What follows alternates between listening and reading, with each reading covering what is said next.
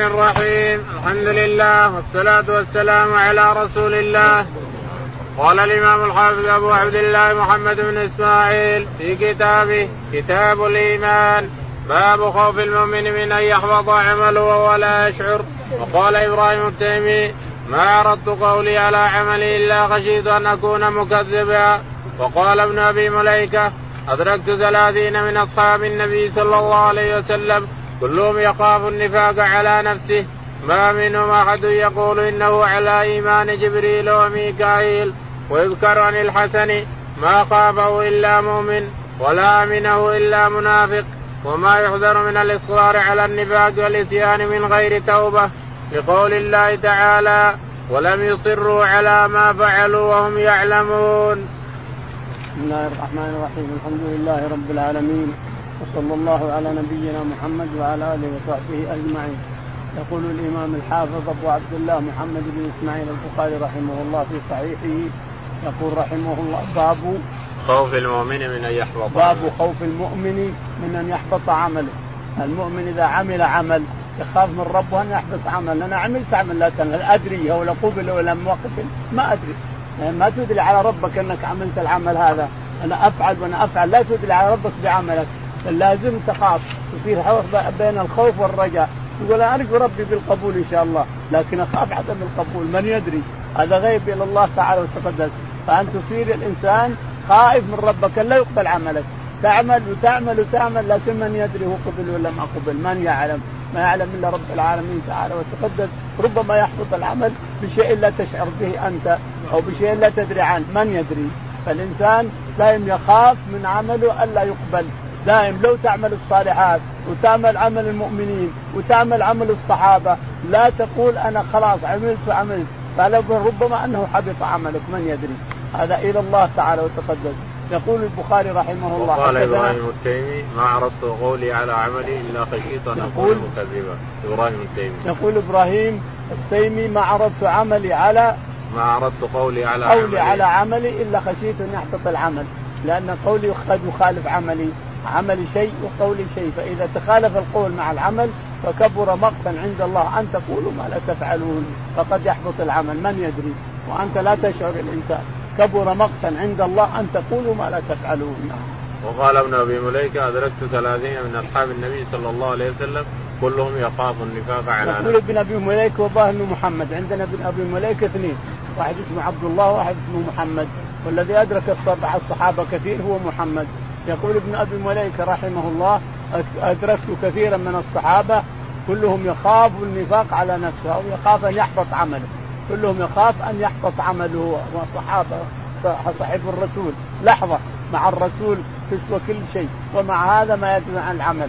عمر بن الخطاب يقول ليتني أطلع لا لي ولا علي. عمر بن الخطاب يقول ليتني أطلع من لا لي ولا علي. ما بلا هذا ولا هذا. نعم. وقال ما منهم أحد يقول إلا انه إنه على إيمان جبريل وميكائيل. يقول ما منهم أحد يقول إنه على إيمان جبريل وميكائيل يعني يحتقرون أنفسهم مع أن الآدم المؤمن أفضل من الملائكة. المؤمن أفضل من الملائكة لا شك في هذا نعم. قال وقال ويذكر أن الحسن ما خافه إلا مؤمن ولا يقول البخاري رحمه يذكر عن الحسن البصري أنه قال ما خاف النفاق أو حبوط العمل إلا مؤمن ولا أمنه إلا منافق. ما أمن أن يحبط إلا منافق. كان يدلي على الله بعمله. وأنا أعمل وأنا أعمل وأنا أعمل. والناس كلهم ما يعملون. معناها أنه حبط عمله. نعم. وما يحذر من الاصرار على النفاق والاتيان من غير توبة. يقول ومن ومن هذا يحذر من الإصرار على الأعمال الفاسدة أو النفاق. الإصرار عليه. وعدم الخوف من النفاق وعدم الخوف من أن يقبل عمله. فهذا ما يصير نعوذ بالله كبيرة من كبائر الذنوب. نعم. يقول الله تعالى ولم يصروا على ما فعلوا يعني إصرار على الذنوب هذه كبيرة. يقول تعالى وتقدس ولم يصروا على ما فعلوا وهم يعلمون. يعني إنهم يتوبون إلى الله ويستغفرون الله. ولم يصروا على ما فعلوا وهم يعلمون أنه حرام ولا يجوز. نعم. قال رحمه الله دثنا محمد بن عرعره قال دثنا شعبة عن زبيد أنه قال سألت أبا وائل عن المرجئه فقال حدثني عبد الله رضي الله عنه أن النبي صلى الله عليه وسلم قال سباب المسلم فسوق وقتاله كفر. يقول رحمه الله حدثنا محمد بن عرعرة محمد بن عرعرة قال حدثنا شعبة. شعبة بن الحجاج قال عن زبيد اليامي. عن زبيد اليامي قال حدثنا أبو وائل. أبو وائل عبد الله بن شقيق قال عن المرجئة. عن المرجئة حدثنا يقول سألت عبد الله بن بن مسعود عن المرجئة فقال نعم. إن النبي صلى الله عليه وسلم قال سباب المسلم فسوق وقتاله كفر. يقول إن أجاب بقوله عليه الصلاة والسلام سباب المؤمن فسوق وقتاله كفر. المؤمن إذا سببته كفر. وإذا قاتلته كفر وإذا سببته نفاق. معنى هذا أن الإرجاء هو ان لا أن لا يحب ان أن يتأخر الأعمال الصالحة عن تتاخر الأعمال الفاسدة عن الإيمان. انت آمنت بباب المؤمن فسوق. يعني حتى لو سببته فهو مؤمن ما ما ينقص إيمانه. مؤمن. وقتاله كفر. المؤمن قتاله كفر. معنى هذا أن الإيمان يزيد وينقص. وأنه في قلب المؤمن وأنه لا تتأخر الأعمال الفاسدة عن الإيمان. الإيمان ينقص بالاعمال الفاسدة. فلهذا قال سباب المؤمن فسوق. نقص نقص إيمانك يا إنسان. ليش؟ لأنك سبيت اخيك المسلم أخيك المؤمن. كذلك إذا قتلته الإنسان فهو كفر.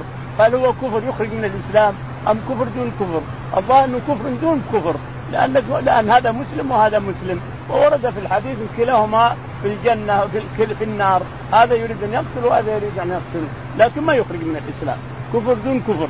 لكنه مؤمن نقص إيمانه. مؤمن نقص إيمانه. نعم. قال رحمه الله اخبرنا قتيبة بن سعيد قال حدثنا إسماعيل بن جعفر عن حميد عن أنس رضي الله عنه قال أخبرني عبادة بن الصامت رضي الله عنه أن رسول الله صلى الله عليه وسلم خرج يخبر بليلة القدر فتلاحى رجلان من المسلمين فقال إني خرجت لأخبركم بليلة القدر وإنه تلاحى فلان وفلان ورفعت واتى أن يكون خيرا لكم. التمسوها في السبع والتسع والخمس. يقول البخاري رحمه الله باب تابع للباب باب خوف. باب خوف. قال حدثنا قتيبة بن سعيد. قتيبة بن سعيد الثقفي. قال حدثنا إسماعيل بن جعفر. إسماعيل بن جعفر قال عن حميد الطويل. عن حميد الطويل قال حدثنا أنس بن مالك. أنس بن مالك رضي الله تعالى عنه. عن عبادة بن الصامت. عن عبادة بن الصامت رضي الله تعالى عنه أن النبي عليه الصلاة والسلام قال خرجت لأخبركم بليلة القدر. أعينها لكم أقول لكم هذه الليلة ليلة القدر. خرج لأن الله أخبره بها أنها الليلة هذه ليلة القدر. يقول فلما خرجت وإذا رجلان يتخاصمان في المسجد يتلاحيان يعني يتخاصمان يتضاربان كعب بن مالك ويا بن حدرد عبد الله بن أبي حدرد يتضاربان في دين واحد يطلب الثاني دين أعطني ديني ولا ما تعطيني؟ رقيق يقول فاختفت يقول فاختفت ليله القدر انظر شؤم المعاصي نعوذ بالله. شؤم المعاصي على الطاعات كيف تخفي الطاعات وكيف تحبط أعمال طاعات الأمة كلها. المعاصي إذا عمل الناس المعاصي حبطت أعمال الأمة كلها. إذا لم ينكروها ويزيلوها حبطت أعمال الأمة كلها. رجلين يتخاصمان ويتلاحيان في المسجد واخفيت ليلة القدر بسبب هذه المعصية. هذه المعصية لأنها كبيرة من كبائر الذنوب. يتخاصمان. هذا يقول اعطي ديني وهذا يقول ما عندي وهذا ما أعطيك إلا أعطيك. يصيحون بوسط المسجد. خرجت لأبين لكم ليلة القدر. فسمعت رجلان في المسجد يتلاحيان يعني يتخاصمان ويتشاتمان فأخفيت أصبر. شؤم المعاصي لا شك أن المعاصي لها شؤم وأنها تحبط الطاعات وتحبط النور اللي ينزل من السماء تحبطه المعاصي. فالمسلم أو المسلمون يحرصون أن لا يعصوا ربهم. المسلمون كافة. المسلم الفرد يبني المسلمين. الواحد المؤمن يبني المؤمنين كلهم يصير بنا واحد كأسنان وكأصابع اليدين. مؤمن آه خلاص مؤمنون كافة. فيصير المؤمنون مؤمنون. لكن لو خرج منهم واحد وعمل معاصي ولو كروها عليهم عمتهم العقوبة حتى لو كانوا صالحين. نعم. قال إنه تلاها فلان فرفعت وعسى أن يكون خيرا لكم. اخفيت فعسى أن يكون خيرا لكم، يعني علشان تجتهدوا. تجتهدوا تدوروها فالتمسوها في الخمس في السبع في التسع وأحراها السبع. كما وردت أحاديث صحيحة كما سيأتينا أن أحرى ليلة القدر في رمضان العشر الأواخر من رمضان أحراها ليلة سبع وإلا فقد توجد في 21 توجد في 27 25 توجد في 27 توجد في 29 بالأفراد بافراد العشر العشر الأواخر. والدليل على هذا أن النبي عليه الصلاة والسلام قال اريد ليلة القدر وكأني أسجد في طين وماء. كأني أسجد في ماء وطين. فصلى أول رمضان في المدينة. أول رمضان صلاه عليه الصلاة والسلام فمطر المطر ليلة 21 مطر المطر والمسجد مسجده عليه الصلاة والسلام من سعد ومن طين خفيف ومن تراب فهبط المطر على الرسول عليه الصلاة والسلام فسجد في ماء وطين فصارت ليلة 21 ليلة القدر إني رأيت ليلة القدر وكأني أسجد في ماء وطين فسجد فصارت ليلة القدر. ذلك الزمان ذلك الشهر في 21 لأنه سجد في ماء وطين عليه الصلاة والسلام. نعم.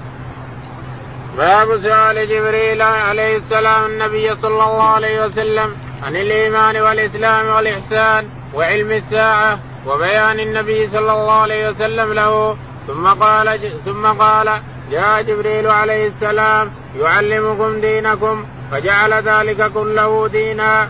وما بين النبي صلى الله عليه وسلم لعبد عبد القيس من الإيمان وقوله تعالى ومن يبتغي غير الإسلام دينا فلن يقبل منه. قال رحمه الله دثنا مسدد قال دثنا إسماعيل بن إبراهيم قال أخبرنا أبو عيان التيمي عن أبي زرعة عن أبي هريرة رضي الله عنه انه قال كان النبي صلى الله عليه وسلم بارزا يوما للناس فجاء فأتاه جبريل فقال ما الإيمان؟ قال الإيمان أن تؤمن بالله وملائكته ولقائه ورسله وتؤمن بالبعث قال ما الإسلام؟ قال الإسلام أن تعبد الله ولا تشرك به وتقيم الصلاة وتؤدي الزكاة وتؤدي الزكاة المفروضة وتصوم رمضان قال ما الإحسان؟ قال أن تعبد الله كأنك تراه فإن لم تكن تراه فإنه يراك قال متى الساعة؟ قال ما المسؤول عنها بعلم من السائل وسأخبرك عن أشراطها إذا ولدت الأمة ربها وإذا تطاول رعاة الإبل البهم بهم في البنيان في خمس لا يعلمهن إلا الله ثم تلا النبي صلى الله عليه وسلم قوله تعالى إن الله عنده علم الساعة. الآية ثم أدبر فقال ردوا فلم يروا شيئا. فقال هذا جبريل جاء يعلم الناس دينهم. قال أبو عبد الله جعل ذلك كله من الإيمان. يقول البخاري رحمه الله حدثنا باب سؤال جبريل النبي باب سؤال جبريل النبي عليه الصلاة والسلام. ساقه البخاري ومسلم بقصص كثيرة وأنظمة كثيرة. هذا السياق ساقه البخاري الآن وسيأتينا بعد سياق آخر غير هذا السياق. كلها بسندات جديدة. يأتون بسندات يأتون البيت بسندات جديدة. يقول رحمه الله نعم. سؤال النبي صلى الله عليه جبريل النبي صلى الله عليه وسلم عن الإيمان والإحسان. سؤال النبي عليه الصلاة والسلام جبريل يسأل الرسول عليه الصلاة والسلام عن الإسلام. وعن الإيمان وعن الإحسان. وعلم الساعة. وعن الساعة وعن أشراط الساعة. اخبره بأشراط إلى آخره. فالشاهد أنه هنا قال ما الإيمان؟ أول ما بدأ بالإيمان. وقصة أخرى ستأتينا بدأ بالإسلام. ما الإسلام؟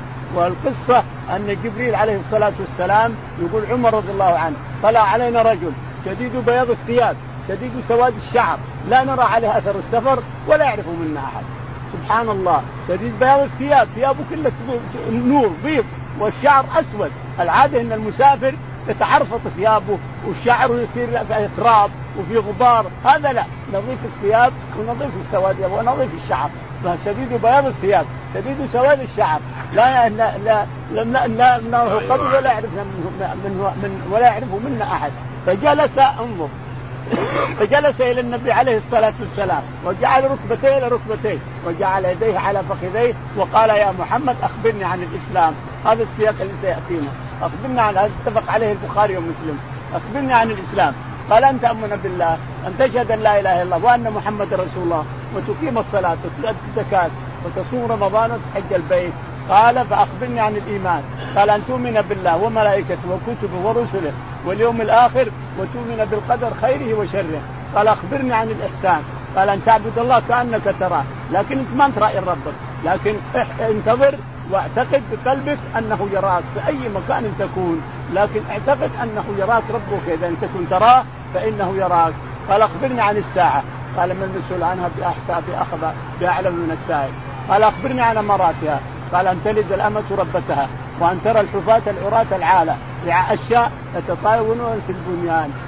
المناسبة هنا إشراط الساعة والساعة السؤال عن الساعة والسؤال عن إشراطها مع مراتب الدين، وش المناسبة؟ ما هي المناسبة؟ في كون جبريل يأتي بالساعة وإشراطها مع مراتب الدين، يقول المناسبة أن مراتب الدين راح تلغوا يلغوها الناس، يلغوا مراتب الدين، يلغوا أحكام الإسلام والإيمان، الاحكام الإسلام. شهادة لا إله تجد يقول أشهد أن لا إله. ثم يقول يا رسول الله يا بدوي يا رفاعي.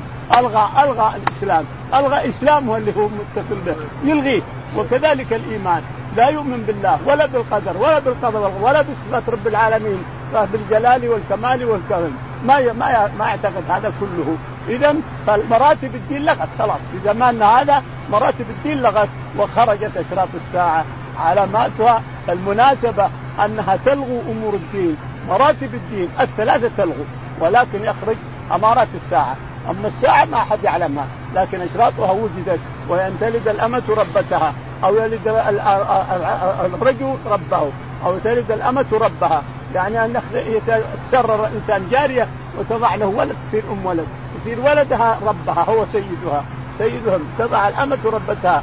وأن ترى الحفاة العراة العالة رعاء الشاء بهم الغنم يتطاولون في البنيان. يعني يتركون الغنم يتركون البر يتركون البادية ويبنون قصور ويصيرون بهجر كما مضى.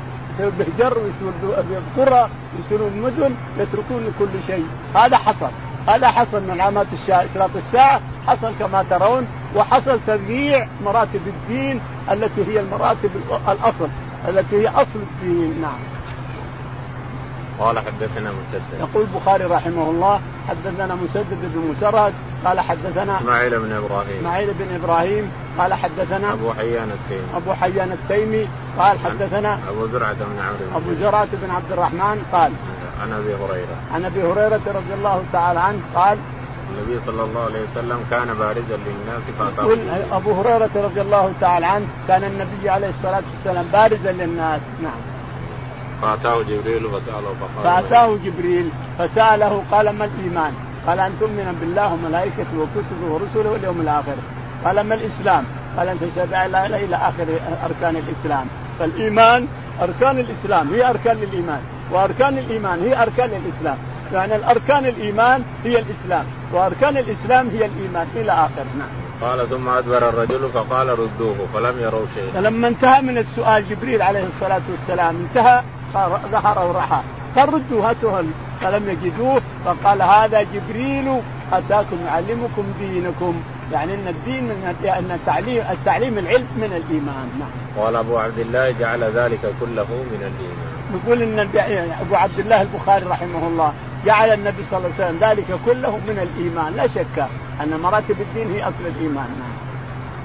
باب قال رحمه الله دثنا إبراهيم بن حمزة قال دثنا إبراهيم بن سعد عن صالح ابن شهاب عن عبيد الله بن عبد الله عن عبد الله بن مسعود رضي الله عنه أخبره قال أخبرني أبو سفيان أن هرقل قال له سألتك هل يزيدون أم ينقصون؟ فزعمت أنهم يزيدون وكذلك الإيمان حتى يتم. وسالتك هل يرتد أحد سقطة لدينه بعد أن يدخل فيه فزعمت أن لا وكذلك الإيمان حين تخالط بشاشة القلوب لا يسقط أحد. يقول رحمه الله حدثنا أستاذ عند الباب حدثنا إبراهيم بن حمزه حدثنا إبراهيم بن حمزة. قال حدثنا إبراهيم بن سعد. عبد الله بن سعد. قال حدثنا صالح بن كيسان. صالح بن كيسان. عن ابن شهاب. عن ابن شهاب الزهري قال عن عبيد الله بن عبد الله. عن عبيد الله بن عبد الله بن عتبة بن مسعود. عن ابن عباس. عن ابن عباس رضي الله عنهما عن يقول في سؤال هرقل لأبي سفيان. أبي سفيان ذكر القصة البخاري ذكر القصة فيما مضى في ليلتين أو أو أكثر من ليلتين قصها علينا كلها مما يدل على علم هرقل وأنه لا لا يصير رئيس إلا عالم. عند النصارى لا يمكن يصير رئيس لهم أو ملك لهم إلا عالم لا يمكن يصير جاهل لابد يصير عالم وهرقل من اعمل أعلم أهل زمانه ولا ينظره إلا في إيطاليا في روما اللي يسمونه هو نظيره في العلم كما ورد في قصة أبي سفيان. والشاهد لما ذكر هرقل أبي سفيان قال له نعم. سألتك هل يزيدون أم ينقصون؟ فزعمت سألتك من يتبع الرسول هذا الرجل اللي تزعم أنه نبي اللي طلع من فيكم من يتبع؟ قال ضعفاء الناس أم أغنياهم قال ضعفاءهم قال هل يزيدون أو ينقصون؟ قال يزيدون. نعم. ثم سألتك. وكذلك الإيمان حتى يتم. وكذلك الإيمان. يزيد يزيد يزيد حتى يتم ينتهي. نعم. وسألتك هل يرتد أحد سقطة لدينه بعد أن يدخل فيه فزعمت أن لا. فسألتك هل يرتد أحد بعد ما يدخل في الإسلام؟ يرتد عن الإسلام بعد أن انتقل فقلت لا وكذلك الإيمان إذا خالط بشاشه القلوب فإنه لا يرتد عن دينه. نعم. باب فضل من استبرأ لدينه قال رحمه الله دثنا أبو نعيم قال حدثنا زكريا عن عامر أنه قال سمعت النعمان بن بشير رضي الله عنهما يقول سمعت رسول الله صلى الله عليه وسلم يقول الحلال بين والحرام بين وبينهما مشبهات لا يعلمها كثير من الناس فمن اتقى المشبهات استبرأ لدينه وعرضه ومن وقع في الشبهات فراعي يرعى حول الحمى يوشك أن يواقعه. ألا وإن لكل ملك حمى. ألا إن حمى الله في أرضه محارمه. ألا وإن في الجسد مضغة. إذا صلحت صلح الجسد كله. وإذا فسدت فسد الجسد كله. ألا وهي القلب. يقول البخاري رحمه الله حدثنا باب فضل من استبرأ لدينه. هذا باب فضل من استبرأ لدينه. تستبرئ لدينك الإنسان يعني تفحص عن الدين الصحيح وتمسكه بيديك وتمسكه بقلبك كما يأتي. أن الدين في القلب تمسكه بقلبك الذي هو هو آه، ملك ملك الجسد. القلب هو ملك الجسد. فيه الرد على من يزعم أن المخاطب العقل أنه رب ربنا ما خاطب العقل. لما أنها لا تعمل أبصار ولكن تعمل قلوب التي في الصدور. فاللي يقول إن العقل والمخاطب هو العقل هذا كذاب. لا يدري ما يقول ما يفهم ما يقول. ربنا يقول ألا ان إنها لا تعمل أبصار ولكن تعمل القلوب التي في الصدور. وانظر كلام الرسول عليه الصلاة والسلام حيث اجتمع كتاب الله وسنة الرسول أن القلب هو المخاطب لا العقل. القلب هو المخاطب. فمن قال من الفلاسفة أو غيرهم أو من يتبع الفلاسفة أو من يتبع من ظنوا أنه العقل فهو غلطان غلطان غلطان. يقول رحمه الله حدثنا أبو نعيم الفضل بن أبو نعيم الفضل بن دكين.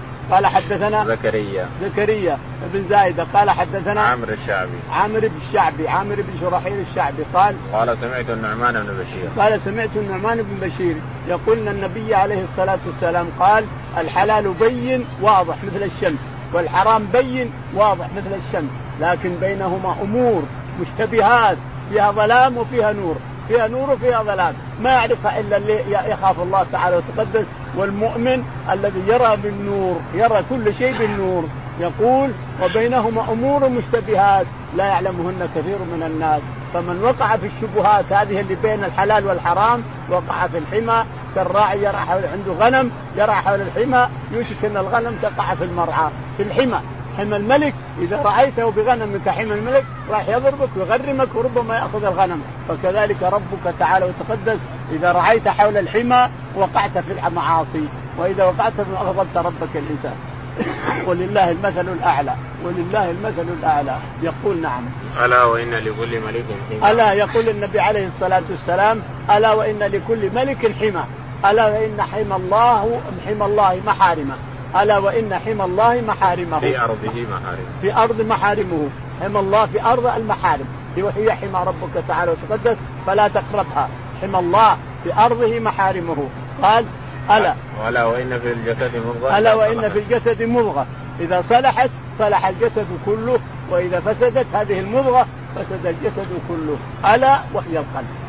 يعني اجتمع القرآن واجتمعت السنة على أن المخاطب في الشريعة هو القلب الذي في الصدور. ألا وهي القلب. في الجسد مضغة.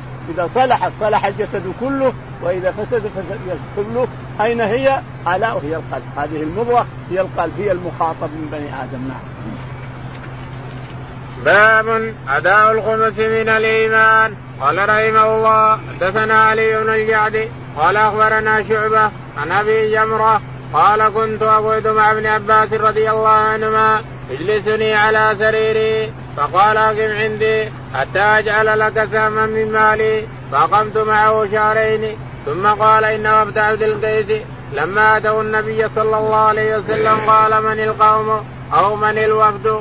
قالوا ربيعة. قال مرحبا بالقوم أو بالوفد. غير خزايا ولا نداما. فقالوا يا رسول الله إنا لا نستطيع أن ناتيك إلا في شهر الحرام وبيننا وبينك هذا الحي من كفار مضر فمرنا بأمر فصل. نخبر به من وراءنا وندخل به الجنة وسألوا عن الأشربة فأمرهم بأربع ونهاهم عن أربع. أمرهم بالإيمان بالله وحده. قال أتدرون ما الإيمان بالله وحده؟ قالوا والله ورسوله أعلم. قال شهادة أن لا إله إلا الله. وأن محمدا رسول الله وإقام الصلاة وإيتاء الزكاة وصيام رمضان وأن تعطوا وأن تعطوا من المغنم الخمس ونهاهم عن أربع عن الحنتم والدباء والنقير والمزفت وربما قال المغير وقال احفظوهن وأخبروهن من وراءكم.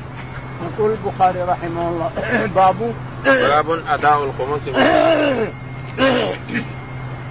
يقول البخاري رحمه الله باب أداء الخمس من الإيمان لما كانت الجيوش الإسلامية ترفرف على قائد الجيوش من المسلمين ويفتحون البلاد الكافرة ويزلزلون أقدام ما تحت الأرض أقدام الكفار ويزولون كل كافر منهم الحارث بن هشام رضي الله عنه فتح بني بكر وأرض ربيعة مع أن الرسول دعا عليه لاحظ. شهر يدعو عليه وعلى صفوان بن وعلى سهيل بن عمر انظر الحارث بن هشام فتح ديار بكر وأرض ربيعة الرايات ترفرف فوق رأسه. رضي الله عنه وأرضاه. الشاهد يقول الإيمان نعم. قال حدثنا علي بن الجعفر حدثنا يقول البخاري رحمه الله حدثنا علي بن جعفر. قال حدثنا شعبة. شعبة. قال حدثنا أبو جمرة. أبو جمرة نصر بن عمران. قال عن ابن عباس رضي الله عنهما يقول نصر بن عمران هذا هو المبلغ. نصر بن عمران هذا هو المبلغ عن ابن عباس رضي الله عنه. إذا انعقد المجلس إذا انعقد الدرس من ابن عباس صار المبلغ أربعة. منهم نصر بن عمران يبلغ هنا وهذا يبلغ هنا لكثرة من يأتون حوله. انتهى العلم. انتهى إليه العلم رضي الله عليه رضي الله عنه وأرضاه عبد الله بن عباس آخر الزمان انتهى إليه علم السنة وعلم فقه الإسلام وعلم التفسير. انتهى إليه. فله مبلغون يبلغون كثرة من يجلس حوله. يقول رحمه الله عن ابن عباس قال أجلسني ابن عباس عنده على سريره. فقال لي اجلس عندي شهرين لعله يأتي الغنى الخمس فأعطيك من أو شيء من هذا. يقول نصر بن عمران فجلست عنده. فقال إن بني ربيعة أتوا الرسول انظر أسلموا على السماع ربيعة الذي في الجنوب كلها بنو ربيعة في الجنوب ومضر في الشرق. مضر الذي منهم الرسول عليه الصلاة والسلام. هم في الحجاز والشرق ومن اليمن إلى إلى عمان. كل هذا يسمون مضر. وأما ربيعة فهي في الجنوب كله. الساحل هذا كله بنو ربيعة. تفرقوا الحين. مرة وبني لام وبنو كلا وبنو كذا والعجمان وكذا تفرقوا قبائل. ولا هم ربيعة. فأسلموا على السماع أسلموا وآمنوا بالرسول عليه الصلاة والسلام بالسماع فأتوا إلى الرسول عليه الصلاة والسلام وقالوا يا رسول الله إنا لا نستطيع أن نصل إليك إلا في الشهر الحرام. يعني الشهر الحرم عند العرب يحرمونها. لو يشوف قاتل أبوه ما يقتله. لو يشوف قاتل أخوه ما يقتله. خلاص أربعة أشهر محرمة عند العرب في الجاهلية والإسلام. محرم القتال فيها. فهم يأتون في شهر حرام لا حد يتعرض أحد. يقول يا رسول الله إن في أن نأتيك في الشهر الحرم لأن بيننا وبينك مضر. ومضر يقتلون يقاتلوننا وإن كانوا إخوة. لاحظ. ربيعة ومضر إخوة. إخوة من أولاد نزار بن معد بن عدنان. إخوة هم. فالشاهد أنهم يتقاتلون فيما بينهم. فإن ما نأتيك إلا بشهر الحرم الذي لا يتعرض لنا أحد. فأخبرنا ب... ب... بأمر فصل. بأمر فصل نفقه نحن ونفيد به من وراءنا. فقال أخبركم. قال أخبركم. قال فأمرهم بأربع ونهاهم. قال فأمرهم بأربع ونهاهم عن أربع. يقول لها أمرهم بأن نعم. بالإيمان بالله بالإيمان بالله. أتدرون ما الإيمان بالله؟ هو أن تشهدوا أن لا إله إلا الله. شهادة لا إله إلا الله ما معناها؟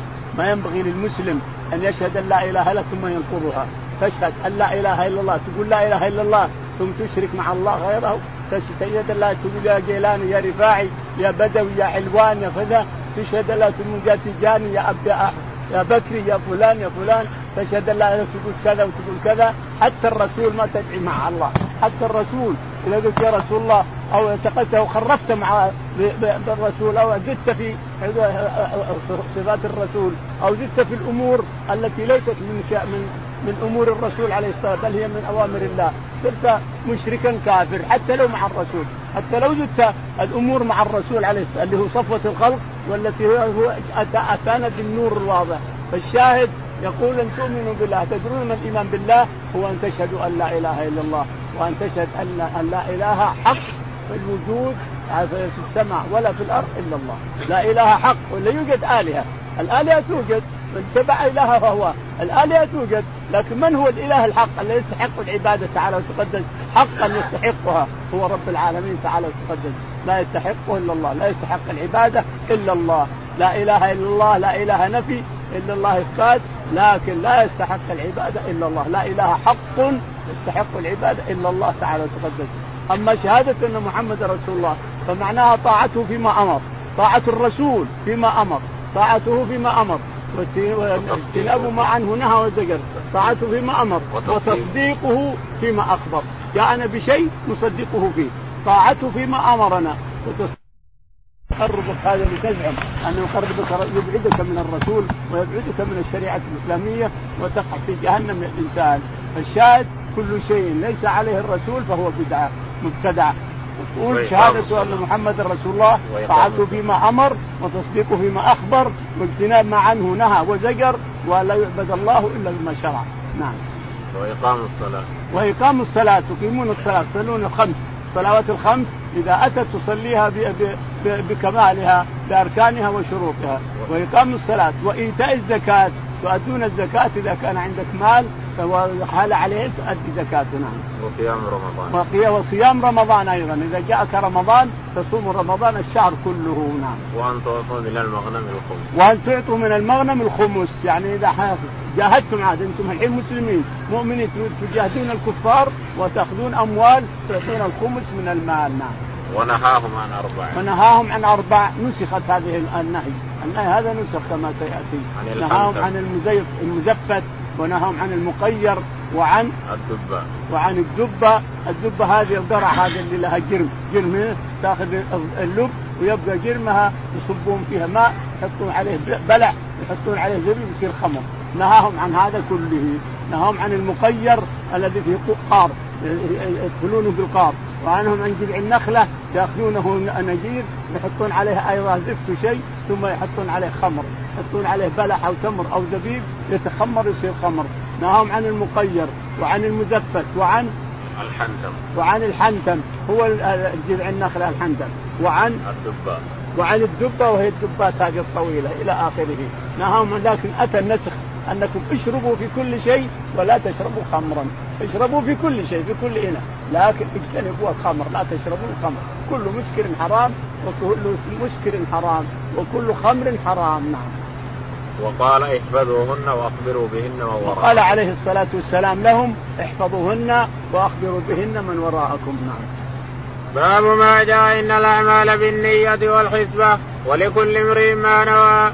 قال أبو عبد الله فدخل فيه الإيمان والوضوء والصلاة والزكاة والحج والصوم والأحكام. وقال الله تعالى قل كل يعمل على شاكلته على نيته. نفقة الرجل على أهله يحتسبها صدقة وقال ولكن جهاد ونية.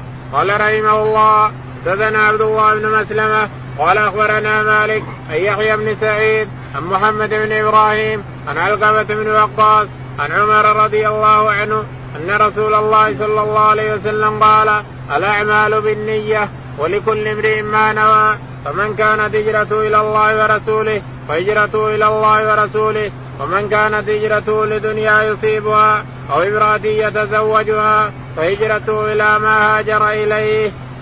يقول البخاري رحمه الله باب ما جاء إن الأعمال بالنيات. ما جاء إن الأعمال بالنيات. لا يمكن أن تتم لك عمل إلا بالنية. إن كان العمل صالح فبالنية. وإن كان فاسد فبالنية. فتؤاخذ بالنية. إن حسنة تعطى حسنة وإن سيئة تعطى سيئة. بالنية. أنت نويت خير لك الخير نويت الشر لك الشر. بالنية. تدور الأعمال كلها بالنية بنية القلب. يقول رحمه الله حدثنا بالنية والحسبة. بالنية والحسبة. يعني أنك تحتسب تنوي ما عند الله وتحتسب هذا العمل. تحتسب هذا العمل اللي تعلمه تعمله أن الله يثيبك عليه. وتنوي انك تعمله لوجه الله إيمانا بالله وتصديقا بكتابه. وتحتسب هذا العمل أن الله يعطيك أجر هذا العمل. تحتسبه لله يعطيك الله أجره نعم. ولكل امرئ ما نوى.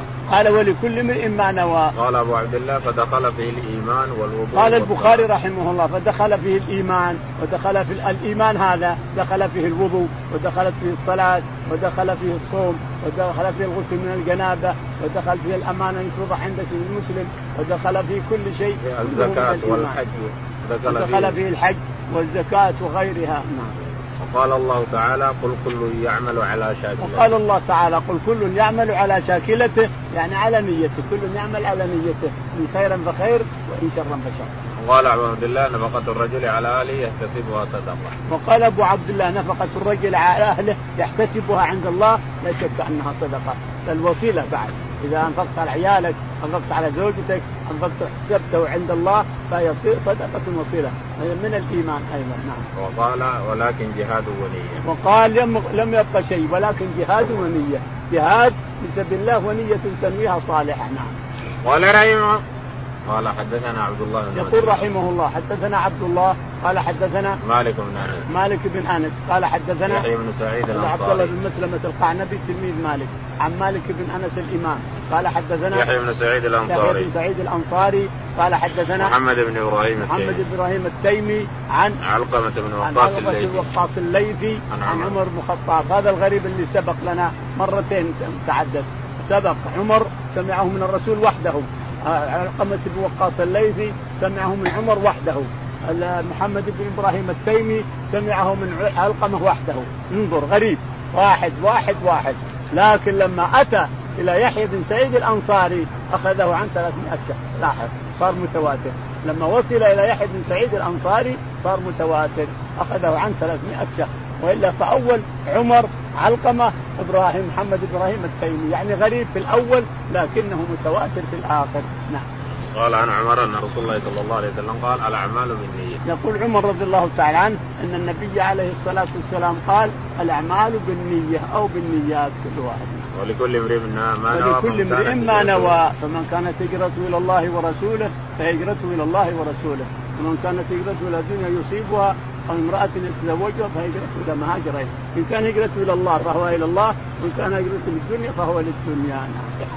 يعني النية هكذا النية لك صالح أو لك صالح. قال رحمه الله دثنا حجاج بن منهال قال دثنا شعبة قال أخبرني عدي بن ثابت أنه قال سمعت عبد الله بن يزيد عن أبي مسعود رضي الله عنه عن النبي صلى الله عليه وسلم قال إذا أنفق الرجل على أهله يحتسبها فهو له صدقة. يقول رحمه البخاري رحمه الله حدثنا الحجاج بن منهال. الحجاج بن منهال قال حدثنا شعبة. شعبة بن الحجاج قال حدثنا عدي بن ثابت. عدي بن ثابت قال عن عبد الله بن يزيد. عن عبد الله بن يزيد قال عن أبي مسعود.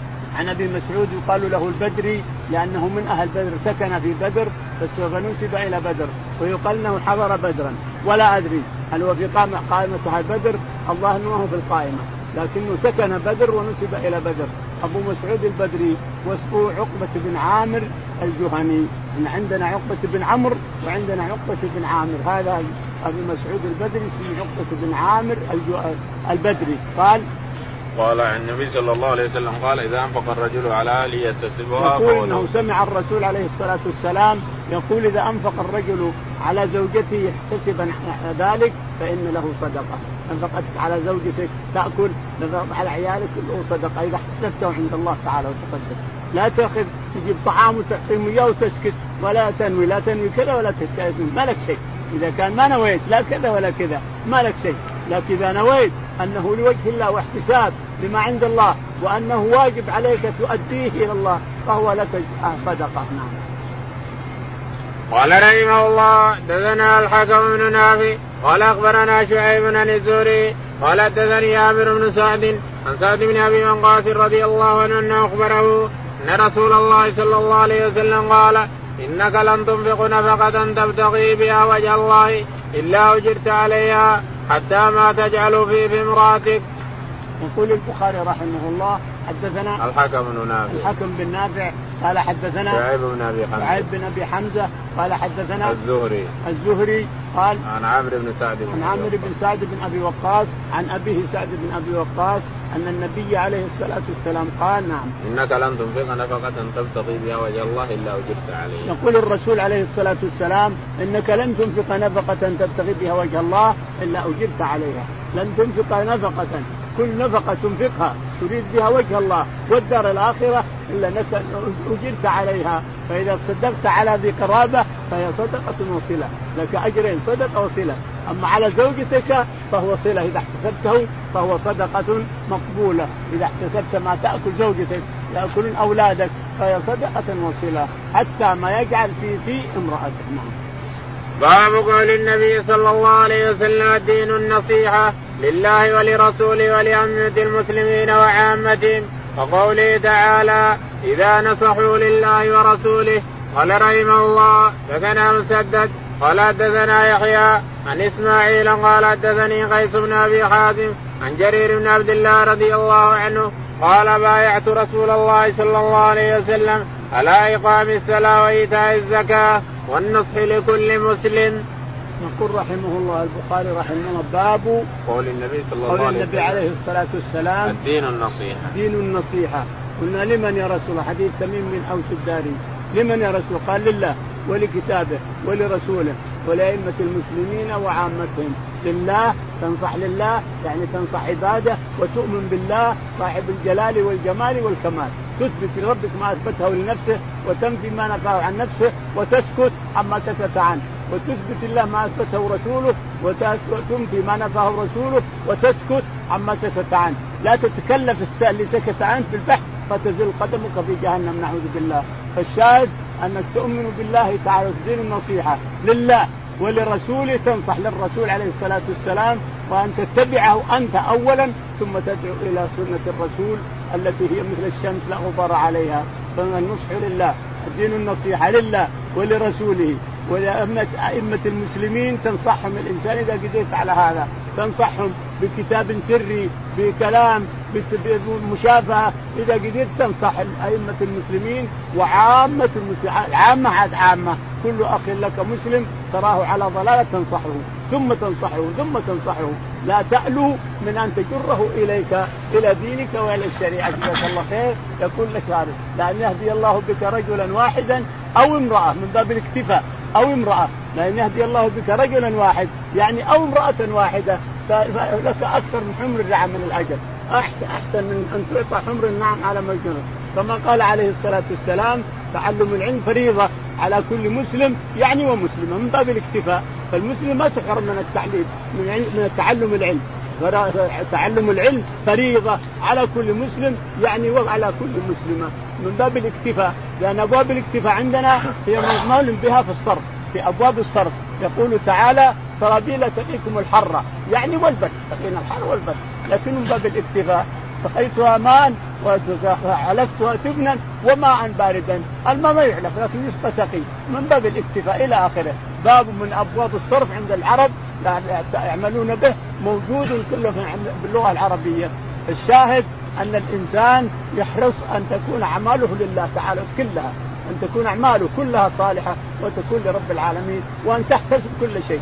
تحتسب ما معناه يعني تنوي أنك لك أجر وأن الله يعطيك أجر تريد هذا الأجر.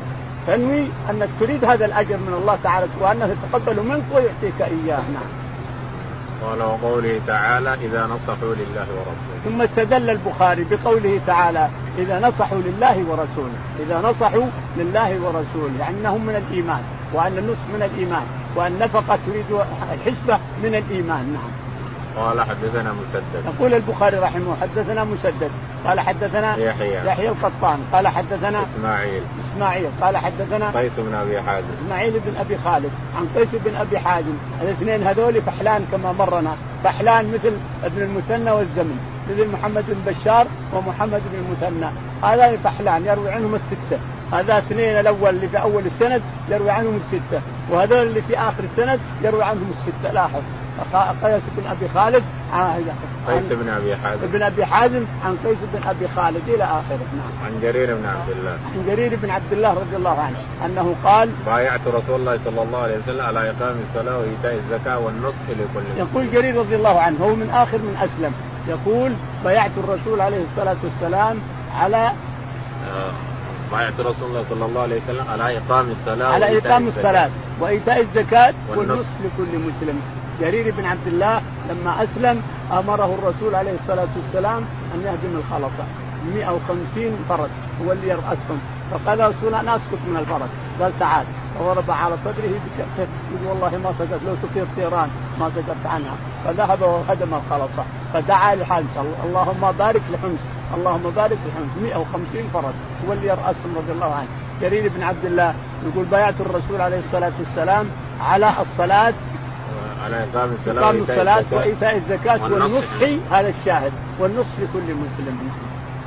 قال رحمه الله دثنا أبو النعمان قال دثنا أبو عوانة عن زياد بن علاقة قال سمعت جرير بن عبد الله رضي الله عنه يقول يوم مات المغيرة بن شعبة رضي الله عنه قام فحمد الله واثنى عليه وقال عليكم باتقاء الله وحده لا شريك له والوقار والسكينة حتى يأتيكم أمير فإنما يأتيكم الآن ثم استعفوا لأميركم فإنه كان يحب العفو ثم قال أما بعد فإني أتيت النبي صلى الله عليه وسلم قلت أبايعك على الإسلام فشرط علي والنصح لكل مسلم فبايعته على هذا ورب هذا المسجد إني لناصح لكم ثم استغفر ونزل.